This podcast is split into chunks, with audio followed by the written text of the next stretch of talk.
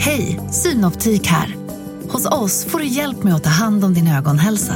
Med vår synundersökning kan vi upptäcka både synförändringar och tecken på vanliga ögonsjukdomar. Boka tid på synoptik.se. Hej och välkomna till Lisa läser. Det är jag som är Lisa och idag ska jag läsa sagan om tamgåsens vilda jul. En tidig morgon i december hittade fru Gås ett brev vid sin ytterdörr. Det var skrivet på björknäver och det var ihopknutet med en stor rosett av gräs. Fru Gås var verkligen inte van att få brev. Hon flaxade med vingarna och darrade av upphetsning. Hon öppnade kuvertet, satte sig ner i sin lilla gungstol och tog på sig glasögonen. Brevet var präntat med underliga gröna knaggliga bokstäver och det löd Kära fru Gås, ni är välkomna att tillbringa julen hos mig i mitt hem vid floden. Jag flyger gärna förbi och hämtar er klockan fem på julafton. Var redo att flyga med mig då. Er flygande kusin fru Vildgås från Kärren. Det var fasligt vad mycket det står om att flyga i det här brevet, sa fru Gås och blinkade. Hon reste sig ur gungstolen och mumlade för sig själv. Jag tror inte att jag kan flyga. Jag har varit tamgås så länge så jag har nog glömt bort det. Hon försökte flaxa med vingarna. Nej, jag har nog inte glömt bort det i alla fall, sa hon förnöjt. De tre fröknarna Anka skulle komma på en kopp varmt klöverte klockan fyra. Fru Gås hade mycket att göra innan de kom. Hon lackade julklappar till sina vänner och fröknarna Anka skulle få varsin gul halsduk. Till fru Ekorre hade hon en vacker svanskam. Herr Gris, familjen Kanin och de andra vännerna skulle få korintkakor. Öppnas på juldagen, skrev hon på paketen. Mina vänner kan packa upp dem på djurens stora julfest på juldagen, tänkte hon. Men då är inte jag här. Ja, fru Gås hade bestämt sig för att fira julen hos sin vilda kusin från kärren. Klockan fyra hörde hon snatter vid dörren och skyndade sig för att öppna för fröknan Anka. Det börjar bli kallt ute och blåsigt. Det blir nog snö, sa de och gick fram till brasan för att värma vingarna. Bara det inte blir snö på julafton klockan fem, sa fru Gås. För då ska jag resa bort. Bort! Snattrade fröknarna Anka och stirrade på henne. Ja, just det. Jag ska hälsa på min kusin fru Vildgås. Åh, fru Gås, så tråkigt. Då kan ni ju inte vara med på vår stora julfest, sa fröknarna Anka. Nej, vi kommer sakna er väldigt mycket. Jag kommer också sakna er, sa fru Gås och gick efter tekannan. Ni kommer absolut inte att trivas med er vilda kusins levnadssätt. Hon har inte ett så här hemtrevligt hus. Hon bor på ett fuktigt ställe vid floden. Fru Gås serverade teet och sa Ja, men hon är min kusin. Hennes mor och min mor var systrar. Jag bestämmer mig för att resa. Och medan de drack te fortsatte de att tala om resan. Men fröknarna Anka kunde inte övertala fru Gås att ändra sig. Hon var fast besluten att resa. På julafton hade fru Gås mycket bråttom. I en liten väska packade hon sin långa gråa nattdräkt och vita nattmössa. Hon städade ordentligt i sitt hus. Sen tog hon på sig de röda skorna, den blå klänningen och en vacker röd sjal med vita blommor. Till sist satte hon på sig sin snygga hatt med stor persiljekvist på. Hon tittade i spegeln och sa Sådär ja, nu ser jag riktigt snygg ut. Hoppas min kusin blir stolt över mig. Tapp, tapp, tapp. Det var fröken Anna Anka som hade kommit för att yttra farväl.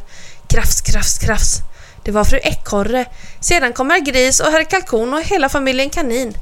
Alla var mycket uppskärrade och tyckte att det var oerhört spännande, precis som om de hade väntat på att få se en ballong stiga till väders.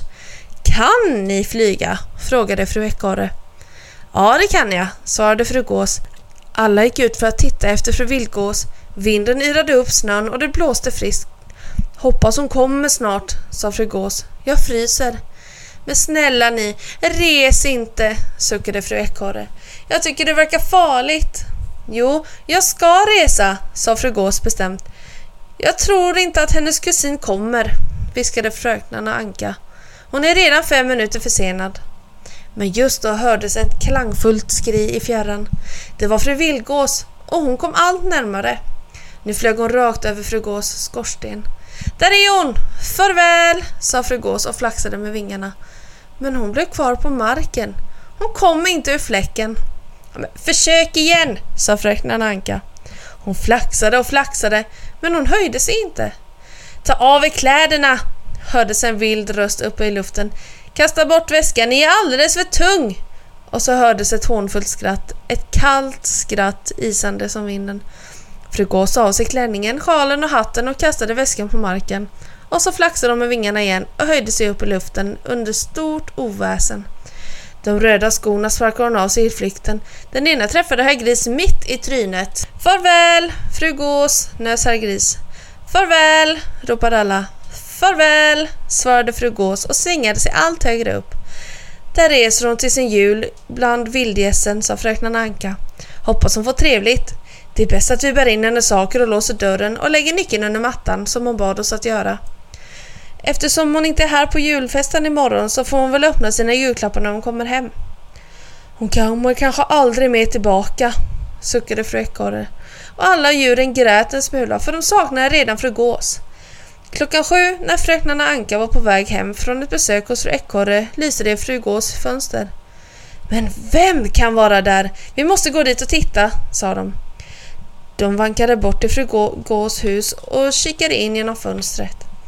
Där satt fru Gås i sin nattrock och vita nattmössa och värmde sig vid elden. De tre ankorna knackade upphetsat med näbbarna på dörren. De var så glada. Tst! viskade fru Gås när hon släppte in någon. Ja, ja, jag har kommit hem igen. Oj, vad jag har ont i vingarna. Men snälla ni, ni måste hålla tyst. Min kusin är här. Hon ligger och sover i min säng. Hon har kommit hit för att fira julen hos mig. Men vi trodde att ni skulle fira julen hos henne. Ja, jag var där i två timmar, sa fru Gås.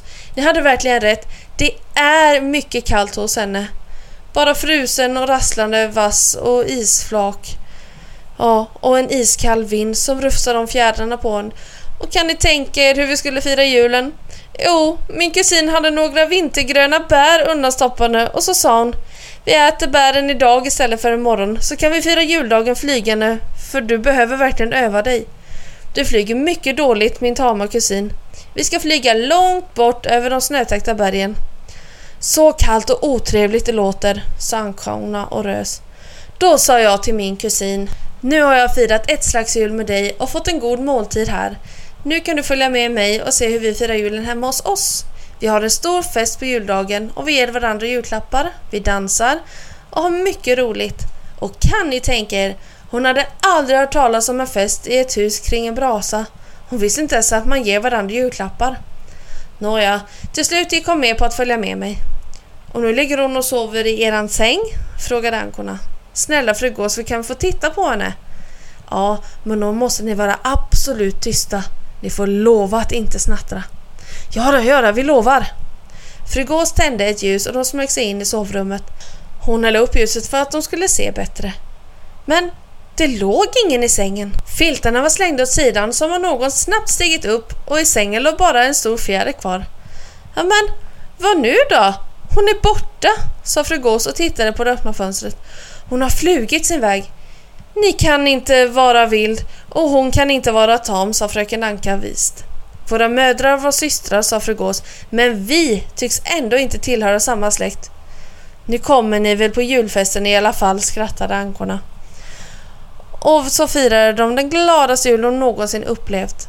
Toppsvans, Vippsvans och Kurre Ekorre och alla de andra djurbarnen fick leksaker. Och alla de vuxna djuren hade också mycket roligt när de öppnade sina paket. De sjöng sina djursånger, lekte roliga lekar och delade ut julgotterna.